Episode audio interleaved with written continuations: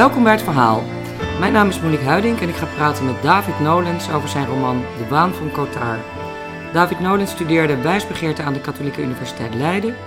Hij schreef diverse verhalen en De Waan van Cotard is zijn vijfde roman. Welkom David. Ik heb uh, in Leuven gestudeerd, niet in Leiden. Zei ik Leiden? Ja.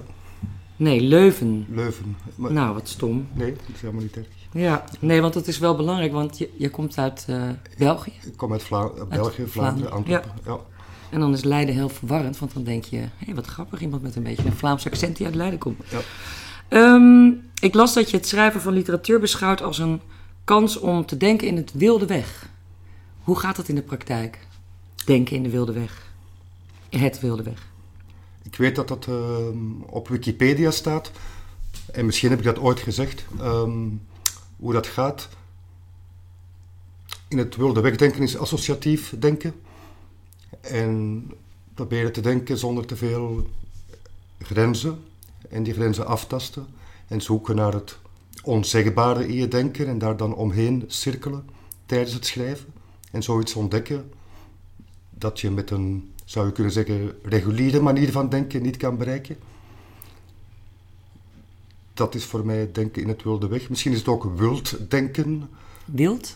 Wild denken, om, om um, aan te geven dat het om iets gaat dat niet past in het hokje van de journalistiek of van in de, de zakelijke, nuchtere literatuur of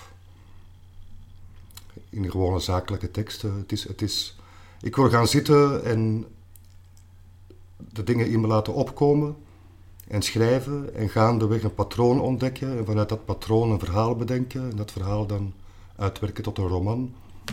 Dat is voor mij oh ja. het schrijverschap. Ja. Maar werk je dan bijvoorbeeld ook niet met schema's als je aan een roman werkt? Ik ontdek het schema pas als ik al heel vers in de roman gevorderd ben. En er gaan ook heel veel versies aan bijvoorbeeld deze roman vooraf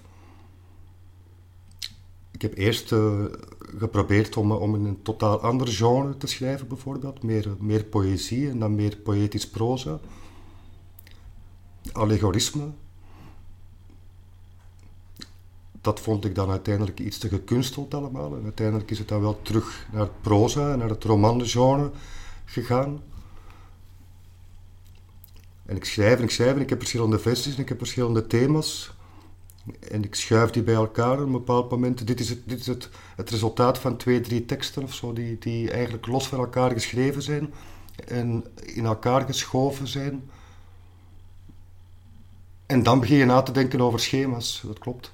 Ja. Maar dan ben ik al ver gevorderd. Dan ben ik al bijna aan het einde van, mijn, van, van de roman of, of ja. om, om, de zaken in elkaar te doen passen. Ik zie wel een soort. Um, het is trouwens ook een impliciet thema in het boek, maar ik zie wel een, een soort wiskundige helderheid voor mij. Als ik de tekst aan het componeren ben, dat is heel abstract hoe, hoe ik dat voor mij zie en ik kan dat niet heel concreet maken. Of het meest concrete dat ik ervan kan maken is het, is het, is het, uh, het boek dat het resultaat ja, daarvan is. heel concreet. Maar, uh, ja. Mm, maar ik zie wel een, um, ja, ik zie een soort uh, wiskundig bewijs uh, voor mij als ik dit boek beschouw, maar uh, ook tijdens het schrijven. Dus die losse, als ik, als ik even mag proberen te interpreteren, Hm. je be bedoel je dan dat je die losse, losse teksten of een beetje uit niet speciaal achter elkaar geschreven hoofdstukken bijvoorbeeld, die je op een gegeven moment dan als een puzzeltje in je hoofd in elkaar ziet vallen van zo moet het, in deze volgorde moet het in het boek komen? Ja, Op deze manier? zo moet het. En, maar vooral blijkt dat ik aan verschillende teksten kan werken, opeenvolgend of tegelijkertijd. En dat ik het altijd over hetzelfde heb in die periode van mijn leven dan. En dat ik een bepaald thema naar de voorgrond probeer te halen. En dat ik dat op verschillende manieren kan doen. Ik heb dat één deel van het verhaal gaat over, um, over een herinnering van Jean, een van de hoofdpersonages, van toen hij 15 jaar was. Maar een ander deel van het verhaal gaat, is geïnspireerd op, op, op mijn werk, mijn job. Ik werk ook effectief als nachtwacht in een uh, ontwenningskliniek Ah, voor drugsverslaafden. Af, ja. Ja, en ik merk op een bepaald moment dat ik, die, dat ik daarover probeer te schrijven en dat het allemaal cirkelt om dezelfde idee van de dood, de marginaliteit, eh, ehm, het probleem van een persoonlijkheid of een identiteit bezitten of daardoor bezit worden of bezeten worden misschien zelfs. Ehm, dan merk ik dat het allemaal samenkomt, dat het, dat, dat het om het pathetisch te formuleren, eh, een noodzakelijk thema is. Dat ik in welke tekst ik, of welke tekst ik ook aan het schrijven ben, Komt steeds terug. komt steeds terug. Ja. Het komt, eh, dus ik moet Het het. dringt zich op. Het dringt zich op, ja, Ja. inderdaad. Ja. Even de, de titel. eh, de waan van Cotard. Eh, dat is een, een psychiatrisch syndroom. Ja. Kun jij even kort uitleggen wat, het, wat dat voor iets is? Wat gebeurt, wat overkomt iemand die daaraan lijdt? Ik heb het niet helemaal ten gronde bestudeerd, omdat dat het schrijven in de weg zou staan. Eh, maar Cotard is de, naam van eh, de psychiater, de zenuwarts, die aan het eind van de, of de tweede helft van de 19e eeuw ehm, zijn naam aan die ziekte heeft gegeven, Jules Cotard. En die man ontdekte bij een aantal mensen dat ze in de waan leefden, leefden dat ze dood zijn. Dus die mensen denken effectief dat ze dood zijn met alle consequenties van dien. Zij besluiten om niet meer te eten. Wat een, Dat is niet nodig als iemand die dood is, moet niet eten. Ehm, ja, zij kunnen natuurlijk ook niet ziek worden. Zij hebben geen naam, ze denken over zichzelf in de derde persoon. Ja, dit gebeurt ook allemaal met jouw Dat, ge- dat, hoofdpersoon Jean. Dat zijn de spectaculaire zaken die ik, eh, die ik heb overgenomen en die ik heb, eh, heb ge- toegepast op, eh, op, het, op het verhaal van Jean. Ja. Ja, ehm, het is een heel zeldzame. Er zijn nog mensen die daar vandaag eh, dat, dat syndroom hebben. Maar het is heel zeldzaam. Het Ja. is, eh, het is, Nu zag ik voor in het boek op de titelpagina dat jouw naam is doorgestreept. Is dat een misdruk? nee, Dat is expres, hè? het is expres, ja. Ben Eh, jij ook een beetje Jean, zeg maar? Ja, er zit, er zit veel van mij in Jean, eh, zeker. Maar dat is misschien... Dat is een gimmick en ik hou, ik hou daarvan. Om, het boek handelt over eh, iemand die ook probeert afstand te nemen van zijn persoonlijkheid. Hetgeen wat, wat hij heeft gekregen. Een persoonlijkheid is een constructie die... eh, hoe maakbaar je ook denkt dat het leven is, die je toch niet helemaal naar je hand kan zetten. Hè. Je, bent, eh, je bent voor een deel overgeleverd aan je persoonlijkheid. Dat is een probleem dat ik mezelf ook heel erg aantrek en dat in mijn vorige boeken ook altijd wel op een of andere manier ter sprake kwam. En van- van- Identiteit. identiteit, persoonlijkheid, de constructie van het ik.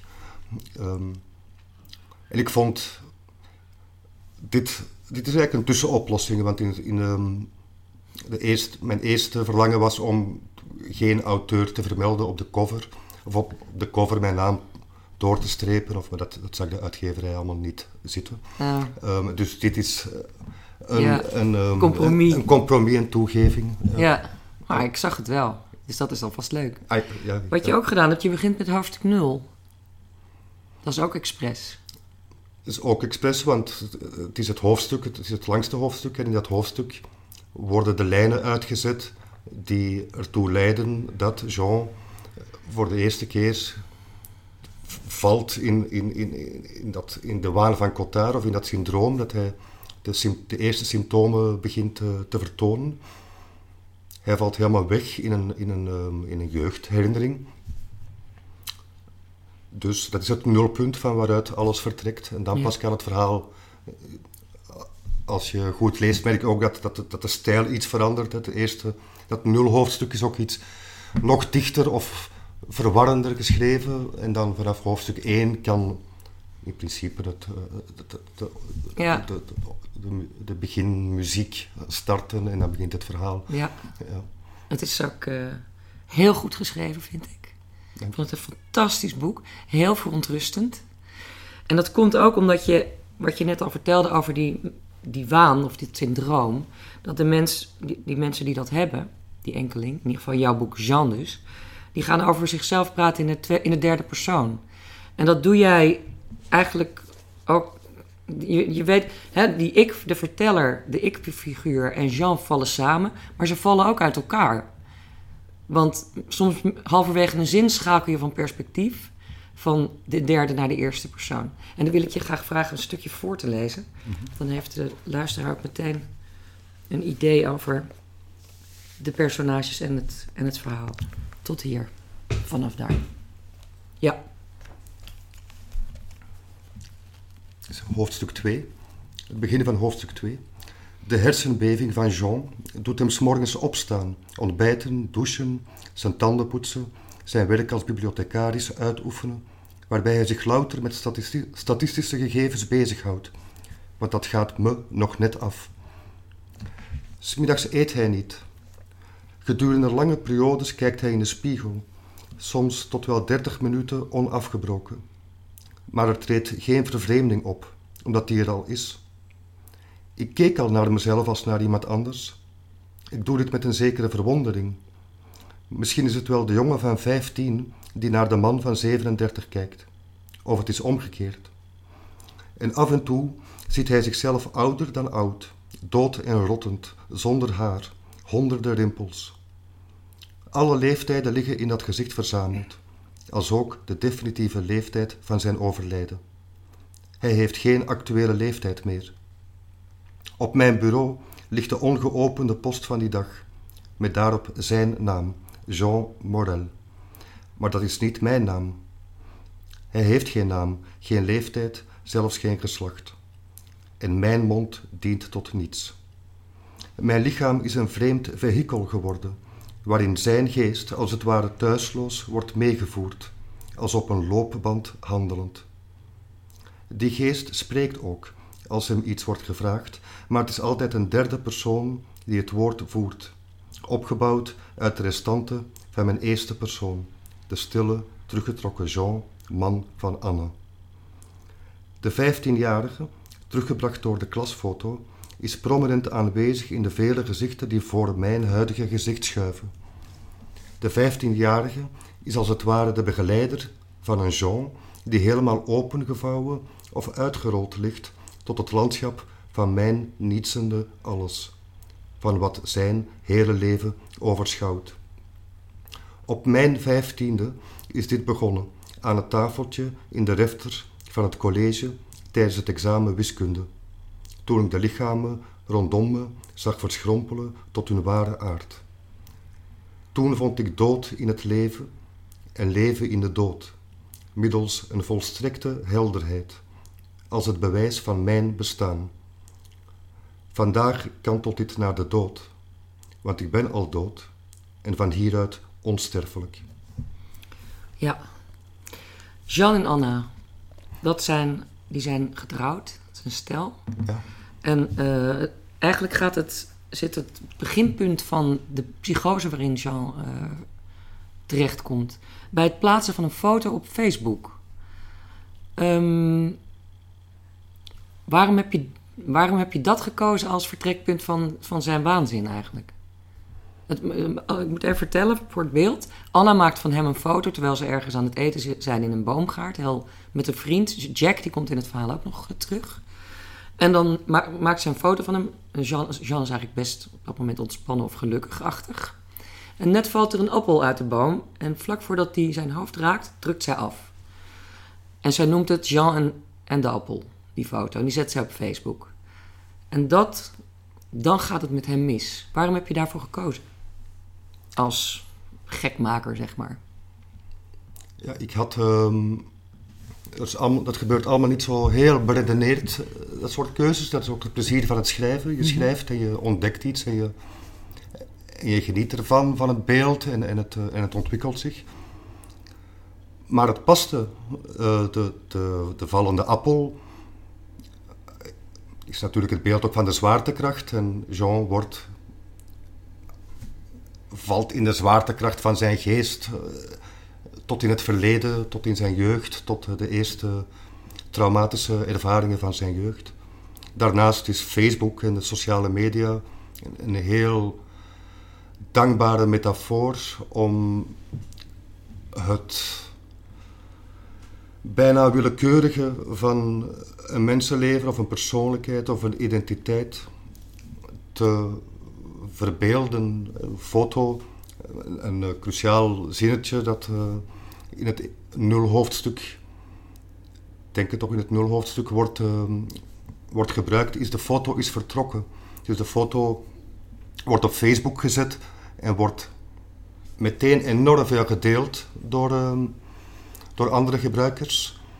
En op die manier wordt de foto een reproductie en kan je nog afvragen waar Jean is of waar de mens is die, die wordt afgebeeld.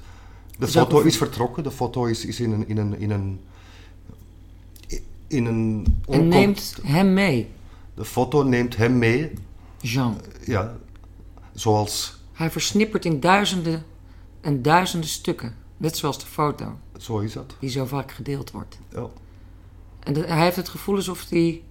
Nou ja, daar trekt zeg maar iemand de stop uit zijn. Uh, uit zijn hele systeem en loopt hij leeg. Ja. Dat gebeurt er met Ja. hem. Ik schrijf ook ergens dat, dat het, ik, het ik van iemand ehm, als een tent wordt opgezet in onze geest. Een soort constructie, een, een tent waarin je, waaronder je, of waarin je veilig kan schuilen. Ja, die tent valt in duigen en daarmee valt zijn, valt zijn veiligheid weg. En belandt hij in een soort oneindigheid. En dat is meteen ook de oneindigheid van de sociale media, waarin iets in theorie oneindig wordt gedeeld en verspreid Ja. onder de anonieme massa. En waaraan kan iemand als Jean zich dan nog vastklampen? Dat is, hij is op dat Ja. moment verloren. Het is overigens niet een aanklacht of zo tegen Facebook hoor, voor het geval de luisteraar dat nu denkt. Helemaal niet. Nee. nee. Ehm, op een gegeven moment eh, zegt, zegt Jean over zijn 15-jarige zelf. eh, want hij, hij, hij schiet eigenlijk terug in de tijd. Hij is 37 jaar in het boek, actueel. En hij schiet terug in de tijd naar, nadat hij 15 jaar is. Dat is ook een soort eikpunt voor hem. Of een, zijn 15-jarige zelf, daar, daar heeft hij nog het, een gevoel van controle of iets dergelijks over. En eh, dan zegt hij over zijn eigen vijftiende zelf... de mensen... eh, dat, hij, dat hij op dat moment de mensen ziet... eh, ze zien ze droog en feitelijk. Ik kom even slecht uit mijn woorden. En in die ontnuchterende blik zat de eerste kiem van zijn depressie. Ehm, vind je dat ontnuchter, ontnuchtering, is dat ook... houdt dat verband met depressie of met eh, somberheid? Dat denk ik wel. Ehm, het is die ervaring van eh, Jean als 15-jarige. Hij zit in, het, eh, in de refter van het college. Ja, de refter, dat is een, een zaal, denk Ja, ik. Dat is, Is dat, dat- dat het niet wordt in Nederlands. Nederlands, Nee, Oké. Ehm, dat is een zaal, een eetzaal. Ah, ja. Een eetzaal, een cafetaria zou je kunnen zeggen, van, Oh, van de scholen, van het college. En omdat dat de grootste zaal is, worden daar ook de examens georganiseerd, omdat alle studenten of leerlingen dan eh, kunnen verzameld worden. En die ervaring is mijn ervaring en ik wou die al heel lang eens opschrijven. Ik zat ook als 15-jarige in, de, in, de, in die zaal van het college aan het examen wiskunde te werken. En ik denk dat iedereen wel, of toch heel veel mensen in hun leven een moment meemaken waarop ze heel nuchter en op een kale manier, zonder franjes, rondkijken en de andere mensen zien en de omgeving waarin ze zich bevinden zien. En alles valt weg, alle decorum valt weg en de veiligheid valt weg. En je kan het ook de verwonderde blik van de filosoof noemen, die plots een zekere realiteit of werkelijkheid ziet opdoemen, die je anders meer versluierd ziet doorheen de denkbeelden en de aannames die je hebt. Maar plots ziet Jean in een fractie van een seconde, het is bijna, ik denk dat ik het woord ook zou gebruiken, een openbaring die nooit lang kan duren, want die is verpletterend, die naakte werkelijkheid. Een openbaring waarin hij de mensen, de medestudenten, de leerkrachten, zichzelf in een inderdaad koude feitelijkheid ziet van hier ben ik, of ecce homo van, van Nietzsche, hier ben ik nu, zie daar de mens, hier heb ik het mee te doen. Dit is mijn context, daar kom ik vandaan, heb ik niet voor gekozen, waar moet ik naartoe? Dat kan, je, dat kan iets mooi zijn, denk ik. Wat voelde jij Maar dat kan ook iets heel, heel, heel droevig zijn. Ja. ja. Maar wat voelde jij dan als 15-jarige tijdens het wiskunde-examen? Op dat moment. Een, een enorme droefheid. eh, ehm, Ontluistering? ontluistering, teleurstelling, weemoed, melancholie, ehm, angst. Voor Jean is, het een, is het een keerpunt Voor Jean is het in een zijn keer- leven. ja. Was dat voor jou ook een keerpunt? Achteraf bekeken wel. Ik denk dat dat voor mij het eh, moment was waarop je, of waarop ik, eh, dat is misschien al groot geformuleerd, maar dat je min of meer zelfstandig begint te denken. En dat je voor jezelf begint te denken en dat je niet vanuit een groep denkt of vanuit eh, trends of, of modieuze gedachten denkt, maar dat je probeert voor jezelf te denken. Ik ben toen heel ziek geworden. hè. Ik ben toen ook opgestaan en ik, ben, ik heb het college ver- ben weggelopen.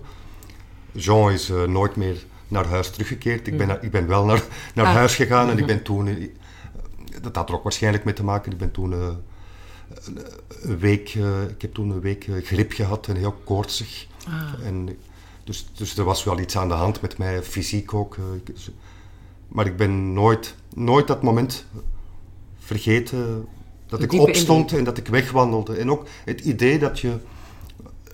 Dat is een idee dat mij altijd heeft bekoord. Dat, dat je elk moment kan weggaan. Ik zit nu met jou te praten. Ja, je kan ook zo opstaan. Maar ik kan, ik kan, ik kan Ja. opstaan en wegwandelen en er is niemand die mij dwingt om hier te blijven zitten. En dat is eh, een heel dankbaar idee dat je in heel je leven kan toepassen. Natuurlijk moet je niet altijd vluchten voor de, voor de confrontatie, maar je bent wel je eigen...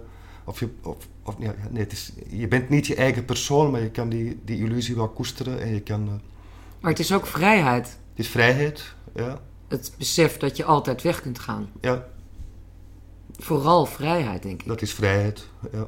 Klopt, dat is het belangrijkste. Ja. Eh, Jean die doet het dus inderdaad. Die stapt tijdens het wiskunde-examen nog. eh, sta- staat hij op en verdwijnt hij. Vertrekt hij. Maar daar begint eigenlijk ook zijn. eh, ja, zijn werdegang. Hij, hij heeft duidelijk psychische problemen. We gaan nu niet helemaal herhalen en vertellen wat er allemaal met hem gebeurt. Dat moeten de mensen zelf in dit prachtige boek lezen. Maar eh, op een gegeven moment heeft hij een vrouw, Anna. En eh, Anna heeft ook een probleem, want zij, hebben, zij was zwanger, ze heeft abortus laten plegen. En daar heeft ze eigenlijk ja, spijt van. Nou ja, spijt. Zij ziet dat kind. Zij heeft op een of andere manier projecteert ze dat kind in, in, in haar leven. Een meisje. Het meisje noemt ze Apple, naar, de, naar het computermerk. Dat heeft ook weer een verband met die appel van die foto van Jean. En ehm, dan zegt zij, zij krijgt het gevoel, en dat is, vroeg me af of, of zij, die twee personages elkaars contrapunt eigenlijk daarin zijn. Zij heeft het gevoel dat ze verdubbelt, schrijf je. Zij is opeens twee personen. Waar Jean helemaal verschrompelt en verdwijnt en dood, denkt dood te zijn, wordt zij, heeft zij er iemand bij gekregen. Is dat ook zo dat zij, elkaar contra, dat zij elkaars contrapunt zijn eh, als personages? Eh, zeker, en zo zie ik het toch. Ja. Eh, ik ben ook blij dat, dat jij het zo gelezen hebt. Op een, en dat bedoel ik misschien wat ik helemaal in het begin zei, wat, wat nogal plotserig klinkt, maar dat ik in wiskundig een helder bewijs voor me zie. Maar Jean inderdaad wordt eh, tot, eh, tot minder dan één herleid. En zij twee. En zij twee, zij, zij moet ehm, om uit, uit haar waanbeeld van dat meisje, want zij ziet eerst een soort fantoommeisje, Ja. na de, zij, zij heeft die dromen en zij heeft die hallucinatie dat dat meisje aanwezig is. En zij beseft dat ze zich moet leren verhouden tot een ander en tot een kind. En dat ze die, eh, die verhoudingen moet letterlijk moet invullen door werkelijk een kind te maken van vlees en bloed. Van de dood van Jean naar het leven. Ja, Die stap wil zij per se maken. Ja. Dat is voor haar ook een houvast en een redding. mhm. Ehm, Anna probeert zich inderdaad te verhouden tot eh, anderen. Dat, eh, daar slaagt Jean echt helemaal niet in.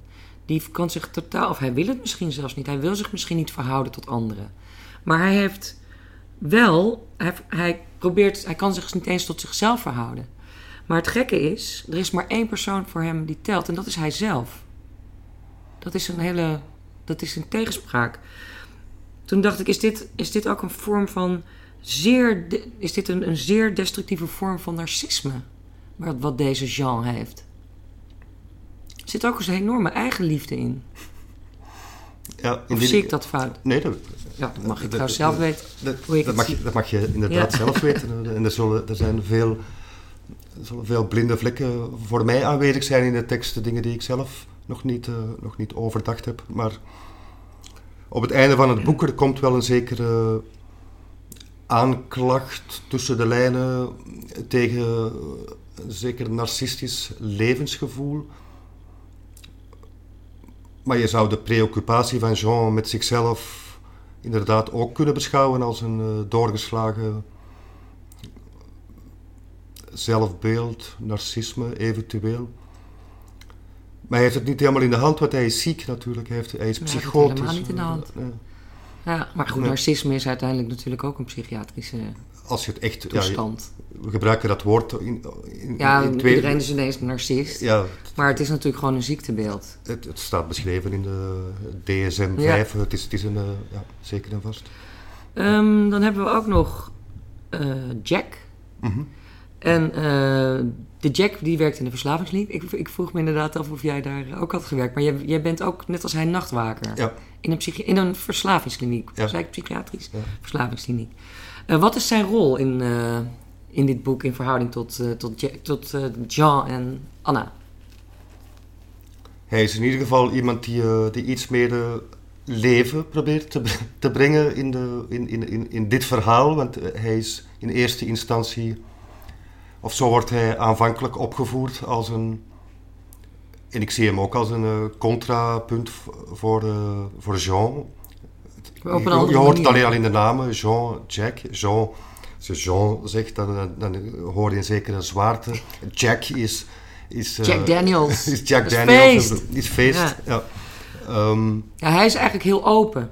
hij is heel open. Terwijl Jean volkomen gesloten is. Ja. Jack is de, de extraverte, vrolijke jongen. Die niet de grootste denker is in het boek. En die eh, misschien wat aan, aan, de, aan de oppervlakte leeft. Hij is meer een gevoelsmens. Hij is een het gevoelsmens, ja. Maar dan wordt hij op een bepaald moment ook geraakt door een ander. Ja, Dat is dan Nassima. dat is de vierde persoon, Dat eh, personage in je ja. boek. En waarom doe je hem dat aan? Waarom heb je hem dat aangedaan? Dat zelfs Jack moet, moet nog iets heel moeilijks zien te overko- overwinnen. Ken je zo'n Nassima? Ehm, ik ken wel zo'n Nassima. Ja, ik Ook uit je, uit je kliniek?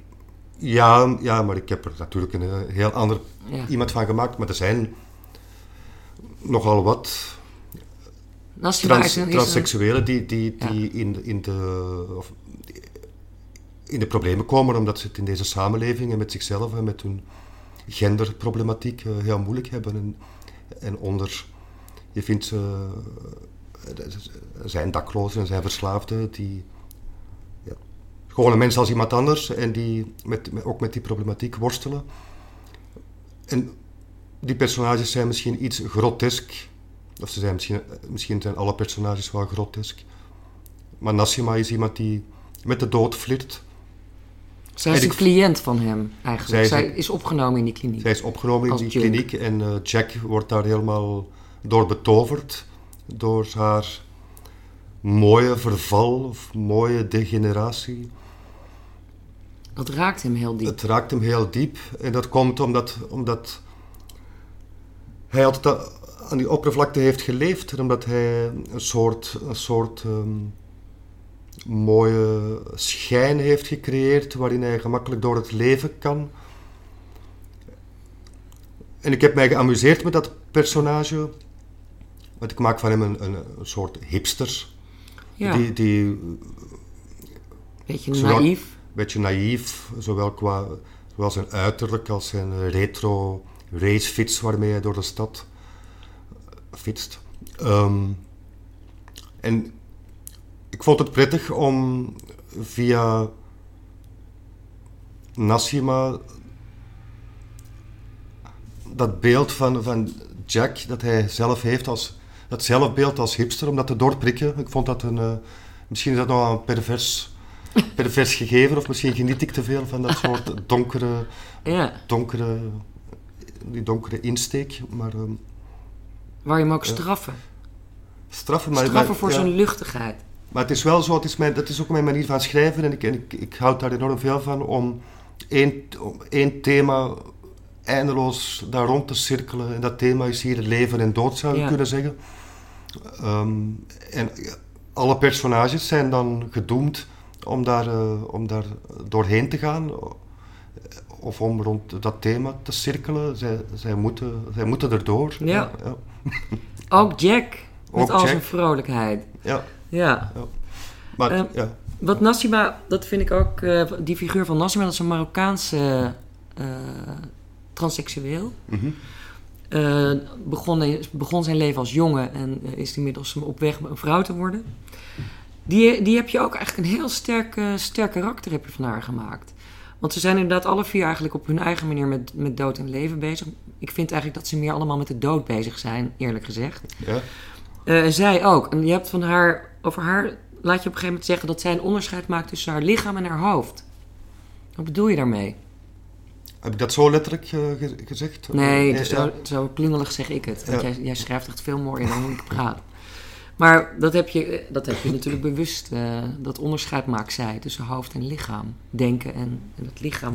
Ja, maar ze wil eigenlijk van het lichaam af ook. Ze wil ook dood.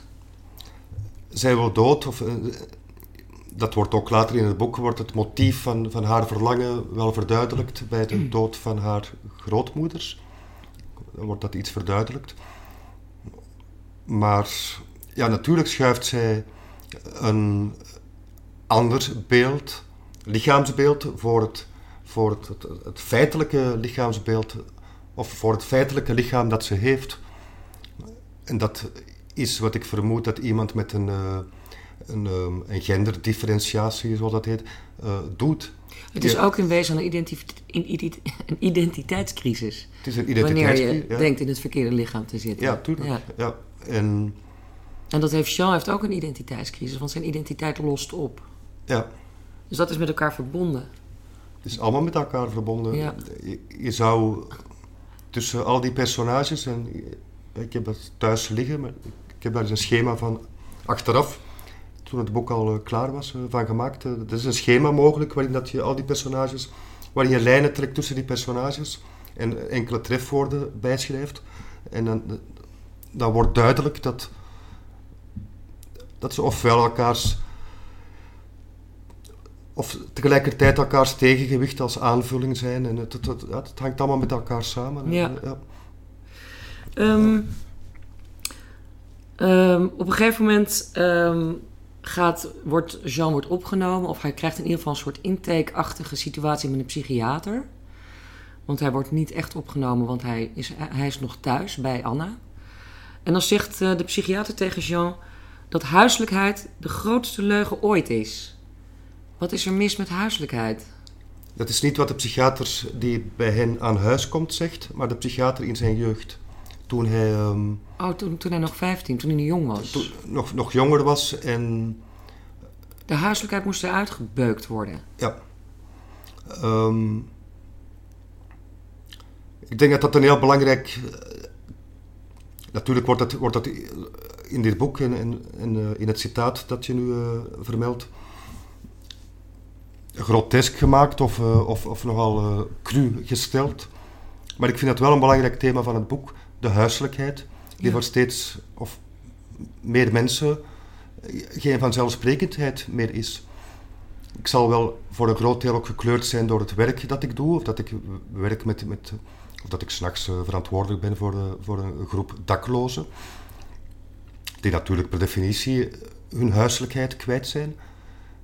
Maar ik denk dat onderschat wordt hoe in deze samenleving de huiselijkheid een heikel thema is of een probleem is voor heel veel mensen. Zowel voor mensen die uit gebroken gezinnen komen en dan daarna volwassen worden en moeten proberen om een huis te maken of een gezin te vormen, wat niet evident is. En steeds meer mensen groeien op in eenoudergezinnen of in gebroken gezinnen of in nieuw samengestelde gezinnen. Je hebt de, de, de, de vluchtelingenproblematiek, dus de mensen die het dan hier eh, goed hebben, zijn bang voor hun eigen huiselijkheid. Of dat hun huiselijkheid niet meer zo veilig is of niet meer zo vanzelfsprekend is. Ik denk dat in heel veel mensen. Je kan het als een metafoor beschouwen of je kan het letterlijk beschouwen, dat in heel veel mensen de, de huiselijkheid een, een precair gegeven is geworden. Dat ze een zekere kilheid voelen en dat ze niet meer weten hoe dat ze die, die huiselijkheid en die geborgenheid moeten waarmaken in hun leven. Dus eigenlijk gaat het om het ontbreken van huiselijkheid. Het ontbreken van huiselijkheid. Terwijl die psychiater zegt het moet eruit geramd worden. Ja, dus die psychiater is in dat, in dat gesprekje al blij, al blij met, de, met, de, met de, het gebrokene of met, met, met wat Jean overkomt. Want voor hem, voor die psychiater, loopt Jean al vooruit op de toekomst. Is Jean die, als een, die een gebroken kind is, die uit een heel moeilijke thuissituatie komt, die mishandeld is door zijn vader. Voor die psychiater is dat waar. Die psychiater is natuurlijk verschrikkelijk cynisch, waar het met de samenleving naartoe gaat. Ja. En ziet in Jean al een, een voorafspiegeling. Ja. ja. Oh, dat is een, een groter dat is een, een, grotere metafoor dan alleen maar dat hij denkt: ik heb weer een klant voor het leven. Nee, een cliënt. Nee, die het gaat om de maatschappij. Ja. Het gaat om de, de samenleving. Eh. Ja. ja, het is geen, het is geen mooi mensbeeld natuurlijk, of nee. wereldbeeld. Maar, uh, even een zijsprongetje. Je bent de zoon van uh, Leonard Nolens. En die, die, de dichter. Ja. Die ook regelmatig genoemd wordt als winnaar van de, of de kandidaat winnaar voor de Nobelprijs voor, literatuur. Wat heeft dat met jouw identiteit gedaan uh, als schrijver, als je vader, als je de zoon van bent? Wat het heeft gedaan. Ehm, dat ik het mezelf soms beklaag dat ik schrijf, en dat ik wil schrijven en wil publiceren. Dat ik mezelf, het mezelf daar heel moeilijk mee maak. Ja. Dat in de... Word je vergeleken met je vader? Nee, want mijn vader is, uh, schrijft poëzie en ik proza. Dat is toch al gelukkig een belangrijk verschil. Ja. Maar die naam Nolens is, een, is niet zomaar een naam om te dragen. Dus ik moet daar... Heb je er last van? Last? Nee, ik denk dat, ik denk dat het moeilijker is voor mij om, om, om aandacht te vragen voor mijn werk of om. Um, of om ik moet oppassen met wat ik zeg. Uh, het, het is toch op een of andere manier bij veel mensen met wie ik spreek een, een verwacht, ja, of, of een aanwezigheid. Uh, als, alsof die naam Nolens of Leonard Nolens ook in het, zoals nu letterlijk, in het gesprek moet aanwezig zijn. Dus ik, ik, ik, ik zou het mezelf makkelijker hebben gemaakt als ik. Uh, als ik een andere naam had gekozen. Een ja, maar, maar dan, dan, zouden ze dat toch te weten komen. uh, nee, als ik gewoon niet zou schrijven en publiceren, maar ik, ik, kan het niet laten. Nee. Dus, ik, dus ik doe het. Je hebt ook heel groot talent. Dus waarom zou je dat in vredesnaam laten? Omdat je toevallig de zoon van iemand bent. Ja, die... maar, maar je moet dus op, naar op zoek gaan. Er zijn heel weinig kinderen van schrijvers die ook schrijven. Ja, je staat toch in de schaduw of je Voelt je misschien bezwaard? Of... Bezwaard? Maar omdat, je, omdat je dit boek ook zo over identiteit gaat, daarom vraag ik het. Ja, ja, en omdat je je naam doorgestreept hebt. Maar er zijn wel, dat weten we wel, dat, er een, dat dat een andere reden heeft. Ja. Maar dat zit er misschien ook wel achter. Maar of ga ik nou veel te ver? Dat, dat gaat te ver. Het gaat, dat is een... Um, zo het precaire of het, het, het, het, het fragiele van identiteit en persoonlijkheid is iets dat mij altijd fysiek en, en, en verstandelijk heeft getroffen. Ja. En waar ik, waar ik al van heel jongs af aan, zelfs als kind, als, als achtjarige maakte ik elke week letterlijk een identiteitskaart. Zoals het in België hebben wij zo'n, of in Nederland ook misschien. Jullie hebben een paspoort. Ja. Wij hebben een, Van, oh ja, zo'n ID-kaart. een ID-kaart dat elke Belg heeft. eh.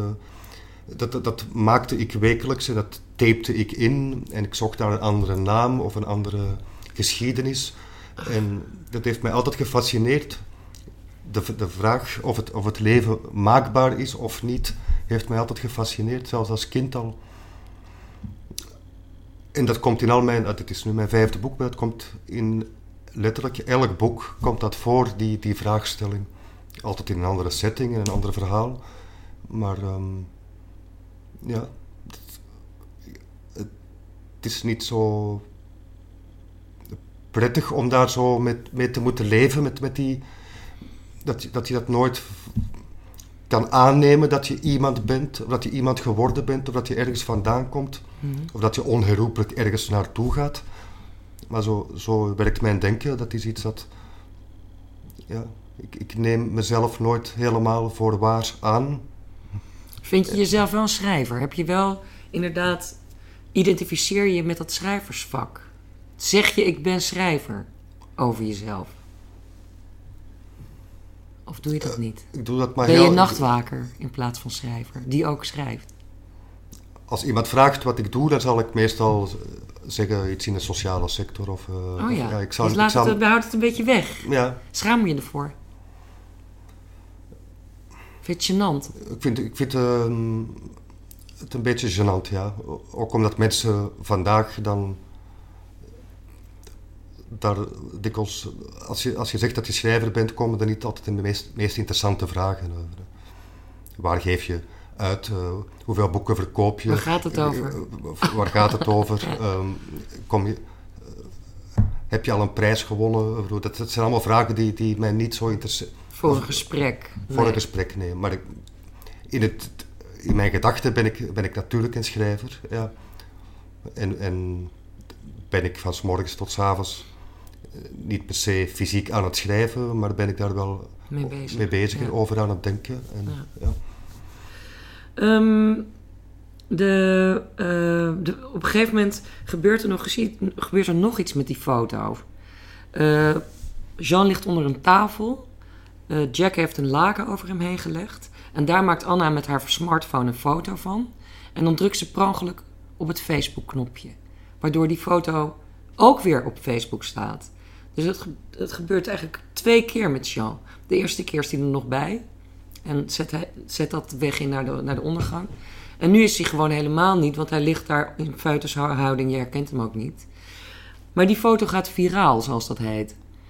Ehm, wat gebeurt er uiteindelijk met die foto eh, van Jean onder het laken? Die foto wordt eh, steeds meer gedeeld. Wordt op een bepaald moment via natuurlijk enkele mensen opgepikt door een. Nee, er wordt, een foto, er wordt eerst een foto van. Of nee, die foto wordt gedeeld. Wacht, hoe gaat het nu weer? Ja, en dan heb je een schilder, een kunstschilder, die daar een schilderij van maakt. Ja, hoe is het mogelijk? Arme Jean. Ik vond het echt zielig. Wat En, erg. eh, en dat is een heel bekende eh, kunstschilder, een bekende schilder. En dat wordt eh, ook in een krant afgedrukt. En, eh, Vervelende, arrogante vent. Een arrogante man die dan daarover geïnterviewd wordt.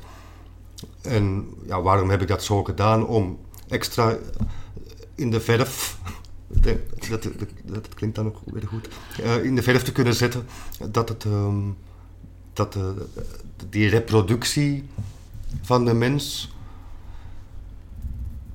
ja, dat dat een belangrijk thema is in het boek en dat dat ook iets is wat wij van s morgens tot s'avonds allemaal aan het doen zijn. We zijn voortdurend de mensen aan het reproduceren. Via fictie, via televisie, via ehm, human interest, via kunst. De Ja. mens zit maar voortdurend, voortdurend naar zichzelf te kijken. En naar de reproductie van zichzelf. En de mens, nu met die sociale media, doet het nog eens meer dan ooit tevoren over zichzelf. Selfies, de mens zit zichzelf voortdurend te reproduceren en iedereen zit daar dan naar te kijken en zit het te liken. Waardoor dat de mens, wat, wat wil de mens daar nu in godsnaam mee zeggen? Is het niet gewoon een vorm van collectieve waanzin? Dat zou je wel kunnen zeggen, ja. Ja, ja oké. Dankjewel voor dit gesprek. Ik sprak met David Nolens over zijn roman De Waan van Cotard. U kunt deze podcast ook beluisteren via iTunes en Stitcher. Onder de gebruiksnaam Podcast Het Verhaal aan elkaar geschreven vindt u de pagina op Facebook. Jawel. Uh, klik op de like-knop, abonneer, volg of laat een reactie achter. En vertel het aan anderen als u deze podcast moeite waard vindt. Waarvoor alvast hartelijk dank.